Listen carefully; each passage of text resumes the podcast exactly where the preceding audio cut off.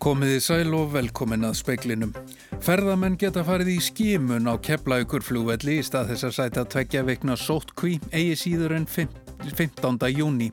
Kvikmyndagerða fólk og íþróttamenn geta komið til landsins frá með förstu degi án þess að fara í tveggja veikna sóttkví.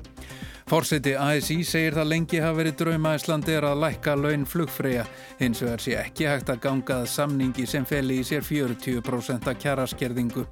Aðalráðgjafi bandaríkja fórseta í viðbröðum við COVID-19 farsóttinni varar við því að aflétta útgöngubanni og afsnemma. Það geti haft alvarlegar afleðingar. Fyrirtækin Össur og Æsland Seafood hafa ákveða endur greiða ríkinu hlutabætur. Um sjónamaður speilsins er Pálmi Jónasson. Katrín Jakobsdóttir forsætisráð þeirra segir að aflétta þurfi takmörkunum á samgöngum til og frá landinu í varkárum skrefum til að reyna að hindra að koronaviran berist til landsins með ferðalöngum. Við vitum að heimsbyðin er ekki laus við þessa veiru. En miða við að allt geti þetta gengið upp þá er stemt að því að eigi síðan 15. júni geti ferðamenn sem koma til landsins og að sjálfsögðu þá líka íslitingar sem koma til landsins átt val um að í stað þess að fara í tveggja vikna sóttkví þá geti þeir annarkort farið í skimun á Keflavíkurflugvelli eða framvísa vottorði sem er metið fullgilt af íslenskum heilbreyðisyfirvöldum. Jafnframt verði þessir aðeila bennir um að hlaða niður smittrakningar appinu og uppfylla önnur slík skilirði sem sett verða á sóttvarnar yfirvöldum. Ríkið greiðir fyrir sína tökku fyrstum sinn en landsbítalinn verður þar í leikil hlutverki. Katrín segir að reynslan verði metin eftir tvær vikur til að gerta í trustu varkárni. Þá verði unnin hagræn greining á skimuninni sem sé umfangsmikil og liggi fyrir fyrir mánaðamót. Mikil vinna sé framöndan við að útfæra þetta verkefni. Markmið okkar er að sjálfsögðu fyrst og síðast að afletta þeim takmörkunum með varfærnum skrefum sem hafa verið í gildi hér innan lands. Þannig að við getum áfram farið út úr þessu öll saman hér á Íslandi en líka að tryggja þá að enginn sem komi hingað til lands sé þá að koma með þessa veiru í farteskinu sagði Katrín Jakobsdóttir forsætisráþara. Ríkistjórnin hefur samþygt að útvíka svo kallaða sóttkví B. Eftir 15. mæ getur fólk komið hinga til lands til starfa við afmörkuð verkefni, svo sem vísindamenn, fjölmiðla fólk og íþróttamenn og farið millir vinnu og heimilis en ekkert annað. Þau munu ekki þurfa að fara í sóttkví að því gefnu að þau fari aðeins til vinnu og aftur heim. Þórdís Kolbrún Reykjörg Gilvadóttir ferðamálar á þeirra segist vona að aflétting ferðatakmarkana og tilslaganir á sóttkvífi komina til landsins komi til með að hafa jákvæð áhrif á kvikmyndaframleðslu hér á landi. Ísland hafi þar gott orðspor sem verðt sé að vernda. Fórseti ASI segir augljóst að flugfreyjufélagi gangi ekki að samningstilbúði sem feli í sér 40% kjaraskerðingu. Stjórnendur Æslandir hafi lengi dreymt um að þrýsta niður launum flugfreyja. Mörg hundruð félagsmenn flugfröðufélagsins sóttu rafrænan fund sem stremt var í hátdeinu til að kynna samningstilbóð Æslandir. Í yfirlýsingu stjórnar flugfröðufélagsins segir að algjör einhugur hafi verið á meðal félagsmanna um að hafna samningnum. Hann fel í sér 20% launalekkun og skerðingu á öðrum kjörum. Það er alveg augljóst að það er ekki farið að ganga til samninga á 40% kjæraskenningu til langs tíma. Eh, það sem var á borðinu var til einhverja ára. Við skulum líka hafa í huga að flugfröður hafa verið kjara samningslausar frá því byrjun síðasta árs. Þannig að þær hafi raun ekki haft tækifæri til að semja um kaupukjör uh, og það er raunin búið að vera að draga þessa samningavirðar úr hófi fram uh, vegna þess að það hefur verið einhver draumur hjá Íslandir að, að hérna, þrýstanuðu launum flugfröða. Sagði Drífa Snædal fórseti að í Jóhann Hlíðar Harðarsson talaði við hana. Antoni Fauci helsti ráðgjafi Donalds Trumps bandaríkjaforseta í vörnum gegn koronaveiru farsóttinni varar við því að útgöngubanni og öðrum viðbúnaði verði aflétt of fljótt. Slíkt geti haft í för með sér þjáningar og dauða fjölda fólks. Antoni Fauci var meðal sérfræðinga í heilbyrðismálum sem báru vittni í dag fyrir þingnemdi í öldungadeilt bandaríkjathings. Hann hvatti þar stjórnvöldi ríkjum og borgum til að fylgja leðbenningum sem allríkistjórnin hefur gefið út vegna farsóttarinnar. Þær væru vandlega úthugsaðar. I have been very clear in my message to try to the best extent possible to go by the guidelines which have been very well thought out and very well delineated. Bandariska efnahagskerfið er í frjálsu falli vegna farsóttarinnar og að minnst að kosti 30 miljónir landsmanna eru án atvinnu. Trump-fórseti hefur þrýst áum að hjóla atvinnulífsins fái að snúast að nýju og fólk að fara frjálst ferða sinna. All nokkrir ríkistjórar og stjórnmálamenn eru sama sinnis. Antonio Fauci varaði við því yfirherðurnar að rasa um ráð fram. Slíkt geti þýtt að farsóttin eldist og það hefði för með sér þjáningar og dauða fjölda fólks. Hann fór yfir það að vísindamenn, livjafyrirtækja og háskóla keppast við að þróa bóluefni gegn koronavirinni. Segja mætti að margir væri að skjóta á sama markið um þessar mundir. Vonandi sæju vísindamennirnir árangur erfiði síns sent í höst eða snemma vetrar. Ásker Tómasson sæði frá. Fyrirtækin Össur HF og Æsland Seafood hafa ákveðið að endurgreiða ríkinu það fyrir sem greitt var starfsmönnum sem hafa verið í hlutastarfi vegna efnahagslegra afleðinga COVID-19 faraldursins. Upphæðin sem Össur endurgreiðir er um 20 miljónu króna en hjá Æsland Seafood er hún 475.000 krónur. Framkymur í fréttatilkynningu frá Össuri að 165 starfsmenn hafi verið á hlutabótum og að ákveðið hafi verið að hætta að nýta úræðið. Það liggi fyrir að ekki sé full samstaða um að fyrirtæki nýti það. Össuri sé mikilsverði að starfa í góðri sátt við samfélagið. Því verði upphæðin sem starfsmenn hafa fengið gegnum hlutabóta leiðina endur greitt. Alls eru það 20 miljónir króna. Sjöstarfsmenn Æsland Seafood fengu greiðslur í gegnum hlutabótaleið stjórnvalda samtalsaði upphæð 475.000 krónur. Í svari við fyrirspurn fréttastofu segir að fyrirtækið hafi ákveðið í góðri trú að nýta úræðið. Dagni Huldar Lendstóttir segði frá. Hópur bareiganda í miðborgar Reykjavíkur hefur sendt lauröglu, borginni og almannavörnum erindi þar sem farið er fram á að fá að opna 25. mæ.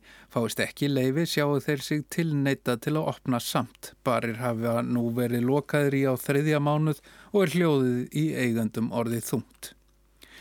Vatnajökuls þjóðgarði býðist að kaupa hótel Gíg í Mývatsveit undir gestastofu. Sveitarstjóri skútustada Reps segir að það er því mikilvæg viðspyrnu aðgerð gegn áhrifum farsótarinnar og hveturðið opimbera til að grípa tækifærið. Við stopnun vatnajökuls þjóðgars var ákveðið að setja á fót gestastofur í öllum sveitafélagunum sem er aðilda þjóðgarðinu. Slíkar gestastofur er í Ásbyrgi, á Skriðuklustri, á Höfn, í Skaftafelli og Kirkjubæðaklustri. Eftir situr Mývasveit. Vatnajökuls þjóðgarði stendur nú til bóða að kaupa hótel Gíg í Mývasveit undir gestastofu. Þorstitt Gunnarsson er sveitastöru skútustadarreps. Við erum búin að hvetja ópebæra til þess að grípa þetta tækifæri því að hótel Gígur er á einstökum stað Þetta er á Vassbakkanum með útsýni yfir vatnið og lagsána. Auk þess myndi það rúma aðrar ofinbæra stopnarnir í Mývasveit sem er á rakkólu með húsnaði. Verkefni telst til forgangsverkefna sveitafélagsins í viðspyrnu aðgerðum og uppbyggingu í kjölfar heimsfaraldusins sem sveitafélagi fyrir illa útúr. 30,9% atvinnuleysi er spáð í skútustæðarreppi í mæ og með kaupunum geta skapast verkefni til dæmis breytingar og húsnæði. Fulltrúar vatnajökulsþjókars skoðuðu húsnæðið í síðustu viku. Næsti von á fulltrúum frá ráðuneytunum og ríkisegnum svo þóst þetta segja þetta í góðum farvegi. Það liggi fyrir að húsnæði standi undir öllum vendingum og hendi vel undir starfseminna. Nú sé að rökva eða stökva því ekki sé víst að slíkt tækifæri bjóðist aftur. Ja, því að hér í Mývarsett er ekki mikið eh, byggingaland fyrir, eh, fyrir gestastóra þessu tæg. Sagði Þorstein Gunnarsson, Úla Árdal talaði við hann.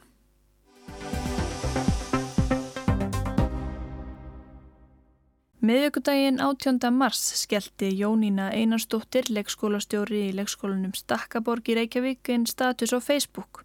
Þar stóð Jæja, er einhver vina minna með plássi í fristinum fyrir eitt stykki 30 manna köku sem ég ætlaði að bjóða starfsmörnunum mínum upp á í dag.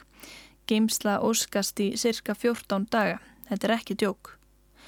Það var liðið ár frá því Jónína tók við leikskólanum og hún ætlaði að halda upp á tímamótin með starfsfólki skólans. Af því varð ekki því þennan dag var skólanum lokað og allir starfsmenn sendir í sótkví. Það hefði komið upp kórnuveru smitt. Um tíma virtist sem það ætti ekki af skólanum að ganga. Alls greindust 14 starfsmenn af 23 og sumir þurfti að afplána sótkví í tvígang. Mánudaginn 16. mars stóðu starfsmenn á Stakkaborg í ströngu við að sóttreinsa leikskólan hátt og látt og aðlaga starfið að nýjum veruleika. Það var starfstagur eins og í öðrum leikskólum í landinu.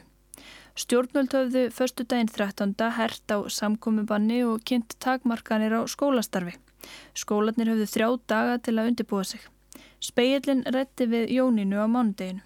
Við erum búin að setja niður bráallin um hvaða börn koma til okkar Eh, við erum búin að skipta börnunum í svona cirka helmingshópa þannig að komið 50% og 50% og erum búin að vera að taka leikfeng út af deildum, setja þau í rauninni eina, eina leikfanga geimslu og svo munum við bara taka út leikfeng sem við notum í, í einn dag og, og skila svo inn og taka ný, ný leikfeng, þrýfa og þess aftar og bara búið að gera deildarnar nokkur neginn fókeldar Engum datt í hug á meðan á þessum sóttvatna aðgerðum stóð að veiran væri búin að stinga sér niður í skólanum. Að þrátt fyrir að allt væri löðurandi í sóttrinsi vögva og starfsmenn reynda að halda fjarlæð þá smitaðist hún manna á milli. Fyrsti starfsmæðurinn ringdi sig inn veikan á mánudag en saðist að hafa fengið þær upplýsingar frá helsugjastunni að það veri ólíklegt að hún væri smituð af veirunni. Og við svona gerðum ekkert, vorum ekkert neitt mikið að pæli því þá og bara síðan kemur þriðdárinn og þá er eitt starfsmæður veikur í viðbót og svo fer að líða svona á þriðdægin að þá fer það að gerast að starfsfólki mitt fór að fá SMS og tölvpost frá hátegskóla um það að þau verða að fara í sótkví og þá svona ferum við svona að pæla býtu hátegskóli er að fara í sótkví við erum með samiðilega starfsmann og sá starfsmann var veikur heima Þegar þarna var komið hafði Jónína samband við skóla og frísundasvið borgarinnar. Spurði hvort réttast væri að loka skólunum að minnstakosti varuðarskinni. Fóreldrar voru upplýstir um stöðuna.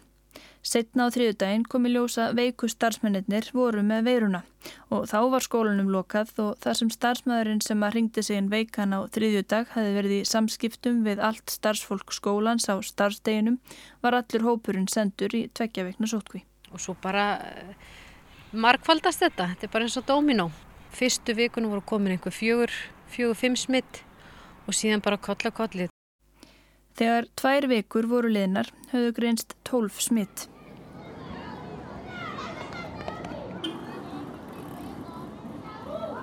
Skólastarfið í Stakkaborg hósta nýju í byrjun april og allir þeir starfsmenn sem að voru frískir mættu til vinnu. Það gekk vel en það liði þó ekki margir dagar þar til að aftur kom upp smitt. Tveir starfsmenn sem að höfðu verið alveg engina lausir greindust í skimun hjá íslenskri erðagreiningu. Eftir að setna smittið kom upp þurftu bæði starfsmenn og börn á deild starfsmannana að fara aftur í sótkví, mörg þeirra forgangsbörn. Jónína segir að það hafi verið leiðinlegt að láta foreldra vita þessu en þeir hafi tekið þessu öllu vel og sendt starfsmennum hlýjar hveðjur. Jónína var að leysa af á þessari deilt. Sko þegar ég vissi ég þurfti að fara í sótkvið tvö þá, þá var ég alveg bara, æ það er ekki alvörun að fara, ég er ekki alveg að meika það. Páskafríið byrjaði hún innilókuð í herberginu sem hún var einlega ný sloppin út úr. Hún fór sérstaklega varlega þar sem dóttir hennar er með latt ónæmiskerfi. Nú eru 23 starfandi í skólunum og af þeim hafa 14 greinst smitaðir yfir 60% starfsmanna. Það er því aldrei að vita nema starfsfólk stakkaborgar sé búið að mynda hjarðónæmi. Nokkrir til viðbótar voru með einkenni en fengu neikvægt próf og Jónína þar með talin. Hún er búin að fara í mótefnamælingu og býður niðurstöðunar. Og það eru margi búin að gera það hjá okkur þannig við erum svona, við erum svolítið áhugavert að sjá hvort það séu fleiri eldur en þessi 14 eða ekki. Það var láni í óláni að enginn sem að veiktist var mjög alvarlega veikur. Þeir fjóri starfsmenn sem greindust fyrst durðu mjög veikir en aðrir voru með lítil engjani eða engjana lausir. Einn starfsmæður smitaði makasinn en önnur smitt var ekki eftir að rekja til hópsmittsins á Stakkaborg. Nú er allir lausir við veiruna þó sumir hafi ekki endurheimt fullt þrek. Það er bara eðlilegt en maður hefur náttúrulega brágræði þegar það kemur næsta flensa hvort að fólk hérna sé alveg með allt sem til þar til að standast það. Jónína rifjar upp hvað þetta voru fjárstæðukendir tímar þegar að smitin greindust hvert á fætur öðru. Þetta var í ráður svolítið súrealist ástand þegar það kom, herri ég með þetta, ég með þetta og, og það var eiginlega, það var eiginlega orðið svona, þú veist, ég er COVID-i, úhú, það var eiginlega orðið svona smá svona stemming bara í hópnum. Starfsmenn göndust með að hafa verið kríndir og deildu myndum af barnabókum með nýjum COVID-tengdum titlum til að leta lundina. Þann fjóruða mæ getu starfsmenn sér loksins á tertunni sem Jónína hafi keift til að fagna starfsamælinu. En hún fekk að býða alveg í rúman mánu það er að þanga til allir voru komnir inn aftur. Þannig að við fengum bara frosna tertu og hún var bara fín. Sko ég held að starfsmannahópurinn sé bara búin að þjapa saman. Við erum búin að vera með workplace þarna á Facebook og erum bara búin að vera mjög dugleg að halda uppi móral, halda uppi móral í þegar allir eru heima. Það er svolítið sérstakt, svolítið svona skrítið tímabill. Sendin brandara og peppa fólk og, og svona reyna að halda og, og heyra hvernig fólki líður og svona. Þannig að það fór eiginlega fyrstu tvær vikurnar í það og ég held að ef þeir eru uppi staðið þá er bara hópurinn þjættari og sterkari fyrir vikið og, og það er einhvern veginn, er, þetta er einhverjum að kenna eða neitt þess átt að það er ekki þetta að vera að velta sér upp á því hver kom með þetta, hvers vegna gerist þetta, þetta bara gerist og við bara tæklum þetta og tökum á þessu. Laungu áður en takmarkanir voru kynntar á skólastarfi voru starfsmenn stakkaborgar farnir að huga smitvörnum. Jónína telur að starfsaðstæðan kunna hafa átt þáttið í hversu hratt veiran dreifðist. Rýminn séu þraung, starfsmenn deili tölvum og búnaði og börnin hlaupi úr einu fangi í annað. Þrátt fyrir raunir stakkaborgar er Jónína ekki á því að það hafi verið raung ákverðun að hafa leikskólinu opna. Víðast hvar hafi gengið vel og sóttvarna aðgerði skila sínu og þá hafi engin börn smitast í stakkaborg þó veiran gengi á milli starfsmanna. Það rýmar við orð sóttvarnalæknis um að börn veikir síður og smiti síður fullorna. Við vorum alltaf bara óheppin. Ég, ég minna við erum eina tilfelli sem hefur farið svona. Ég held að í rauninni okkar staða sé kannski svo að þetta var bara komið inn áður og það var í rauninni ekkert við því að gera.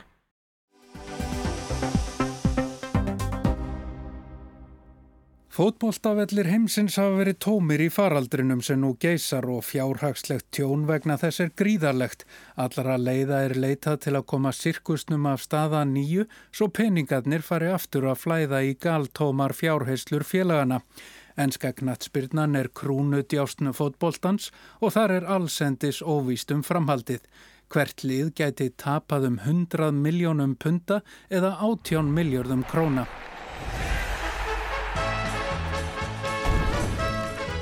Ríkistjórn Breitlands tilkynnti í gær að engar íþróttir fari á staði í landinu fyrir enn í fyrsta lagi fyrsta júni. Þá verður annað skref aðgerðana kynnt og stemt er að því að þegar íþróttamót hefist þá verði leiki fyrir luktum dyrum en leifilegt að sína leikina í sjónvarpi. Allt byggist þetta á því að vel takist til við að stöðva framgang veirunar. Gangi það ekki eftir verður afléttingu banna frestað. Þá er enn miða við 14 dagar sóttkví og það getur haft mikil áhrif á henni ímsu lið og ekki má gleima að margir Evrópuleikir eiga einnig eftir að fara fram. Það er því alls óvíst með framhaldið. Enskir miðlar greindu frá því í morgun að félögin gætu þurft að endugreiða sjómasréttarhöfum 340 miljónir punta eða vel yfir 60 miljardar króna, jafnvel þótt leiktíðin verði kláruð án áhörenda. Það þykir ekki söluvænlegt að sína leiki án áhorfenda á skrítnum útsendingatíma og á meðju sumri. Verði leiktíðin blásin af gæti endur greiðsla verið ríflega tvöfalt herri eða 760 miljónir punta. Það jafngildir 140 miljardum króna. Á fundi liðana í gær kom fram hörð andstaða við hugmyndur um að leika á hlutlausum völlum eins og stjórnveld hafa lagt til. Liði í fallbaráttu eru mjög ansnúin þessu og forsvarsmenn Watford, Aston Villa og Brighton hafa til að mynda talað eindreið gegn þessu. Á fundinum í gæru er í fyrsta skipti rættur sá möguleiki að stitta tímabilið með einhverjum hætti og einni var þeim möguleika veld upp í fyrsta skipti að aflýsa yfirstandandi leiktíð. Draumur þeirra er þó ennað hefja leikað nýju 12. júni. Oh,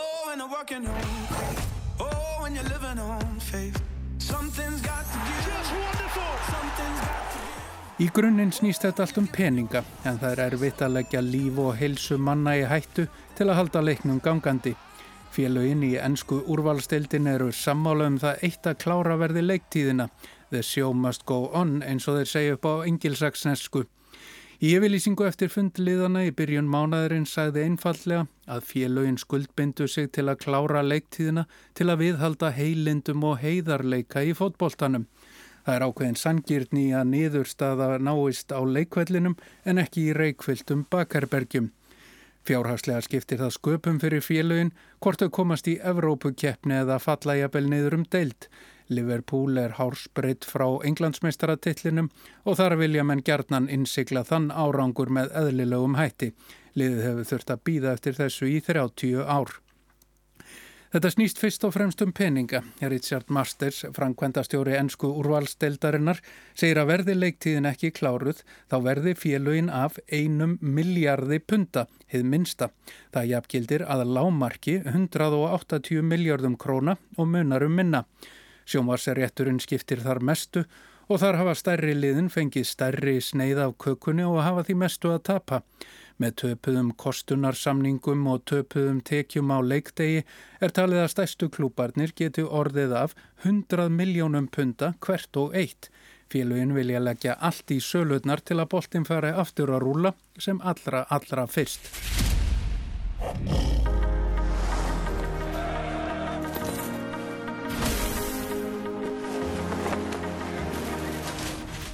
Steve Parris, stjórnarformað Crystal Palace, talar fyrir munn margra þegar hann segir að vissulega snúist þetta um peninga en líf og heilsamanna verði aldrei sett í hættu. Það verði ekkert spilað fyrir en fylsta öryggis verði gætt. Sjálfur segist hann þess fullviss að undverði að tryggja öryggi leikmanna og annara og segir að liðin standi frammi fyrir sömu áskorunum í haust þegar nýtt keppnistímabil eigi að hefjast. Best sé að byrja að leysa fyrir sjáanlega vandamál sem fyrst.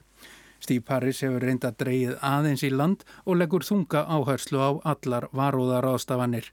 Frank Lampard, knatsbyrnustjóri Chelsea, segir einfallega að allt sé gert til að boltin fari aftur að rúla en það verði ekki gert með því að stefna heilsumanna í hættu.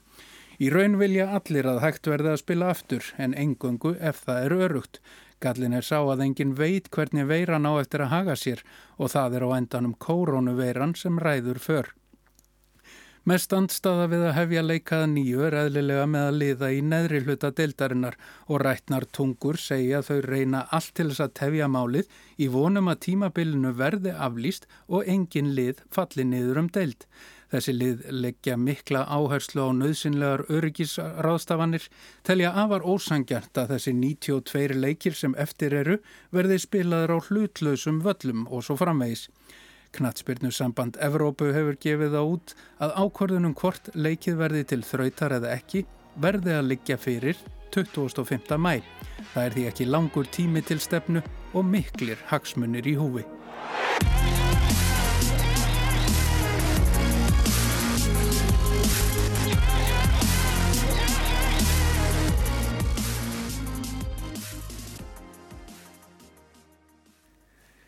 Íslendingar hafa skrifað sína sögu þannig að fullveldið og frelsið þjóðarinnar séu þeirra eiginverk, segir Guðmundur Haldánásson, professor í sakfræði við Háskóla Íslands. Hann segir að staðsetning Íslands hafi verið einn aðal auðlind landsmanna í kaldastriðinu eftir síðari heimstyrjöldina, bæði fjárhagslega og politist, en það hafi verið feimnismál. Speillin rætti við Guðmund Haldanarssonum um þær miklu breytingar sem fylgdu hersetu breyta og síðar bandaríkjamanna. 80 ár eru nú frá hernámi breyta og um það var fjallað í speiklinum á förstu dag. Það kom aldrei til alvarlegra átaka á milli Íslendinga og hernámsliðsins. Öðrumáli gengdi í Danmörku og Nóriði. Guðmundur segir ástöðuna að breytar hafi komið til Íslands til að tryggja eigin hagsmunni, ekki til að stjórna Íslendingum öðru máli gengdi á hernámsvæðum þjóðverja. En að tvennuleiti hafi verið núningur. Annars vegar eru það mjög mikið karlmennu sem komi hérna. Er, herrmennindir eru flestir ungir karlmenn á ákveðnum aldri og það allir svona miklum áhyggjum hjá íslenskum karlmennum á sama aldri og reyndar á öllum aldri. Og síðan einnig voru, voru sósilistar eða kommunistar, hvernig við sem orðum það, þeir voru mjög andsnúnir breytum í upphafi en það þanga til að, að, að þjóður að ráðast inn í, í Sovjetrikinn 1941 að þá eru ákveðin and, andstaða þar og, og, og breytar einu, svona, einu kannski stóru afskipti breyta af íslenskum vinnaríksmálum er það að þeir flytja, fyrir utan það að flytja burt þjóðverja sem bjög á Íslandi að þá fluttu þeir burt e, í nokkara fórstumönnum e, Sórstaflokksins og heldur þeim í e, nokkara mánuði og í, í herfangelsi. En með eh, innrásinni í Sovjetríkin að þá breytist eh, styrjöldin í augum íslenska sjósælista eða kommunista úr því að vera markaðs eh, baráta á milli breskra og þískra imperialista yfir í frelsistri. Já og það er, það er mjög, mjög gaman að lesa þjóðviljan frá þessum árum, hvernig, hvernig þeir svona ringsnúast á einu augnarbyggi og ég hef nú grunum að margir er að hafa nú verið bísna feignir að því að, að, því að auðvitað hafðu þeir verið hörðustu gaggrinjendur á, á nazismann á millistísárunum miklu harðari heldur en, heldur en til dæmis e, hægrimenn að því hægrimenn sáu, sá að mörguleiti e, nazista sem ákvæmna brjóstverð gegn kommunismannum. Þetta snýst allt e, í hring hann að 1939 með, með samningum e, þjóðverða og, og sovjetmann upp af í síðara heimstaraldar en svo þegar sovjetmenn fara að taka þátt í stríðinu með, með bandamennum og þá allt í hennu verða verða hérna sóslistar helstu stöðningsmenn. Nú sér maður að í Danmörku og Nóri og víðar eru menn að minnast þess að nú eru 75 ár frá því að þessi lönd og mörgunnur voru frelsuð undan hernámi þjóðverja og uh, þar hefur, hafa bæði verið, hefur verið gert mikið af myndum, það hafa komið út bækur og þetta tímabil virðist vera mikið rannsakað af sagfræðingum. Hér er eh, öðru heilsa.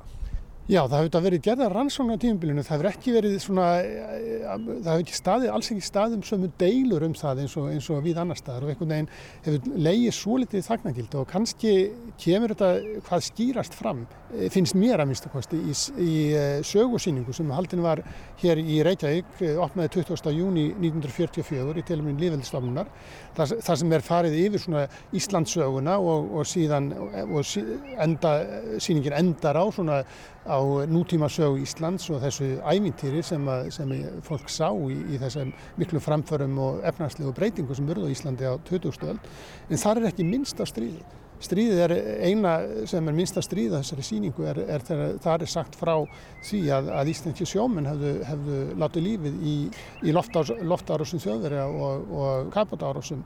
En það er eina sem minnst er á stríði þessu, allt, allar þessar framfarir voru einfallega okkar eigin framtaki að þakka.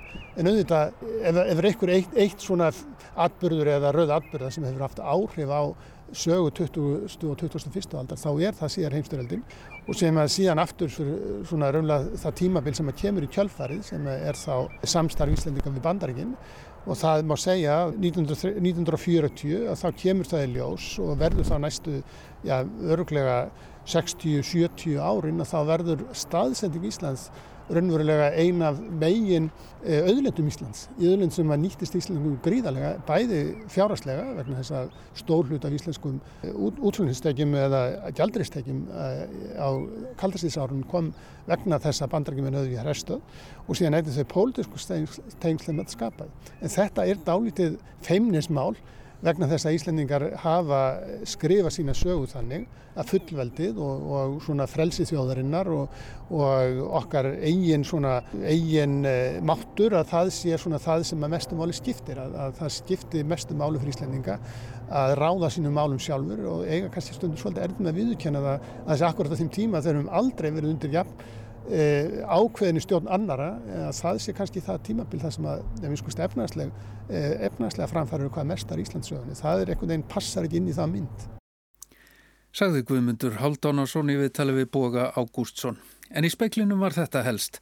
Ferðamenn geta farið í skimun á keflaugur í stað þess að sæta tveggja veikna sótkví eigi síðar en 15. júni. Kvikmyndagerðafólk og íþróttamenn geta komið til landsins frá með föstu degi án þess að fara í tveggja vegna sótkví. Fórseti ASI segir það lengi hafa verið drauma Íslandi er að lækka laun flugfræja, hins vegar sé ekki eftir að gangað samningi sem feli í sér 40% kjaraskerðingu.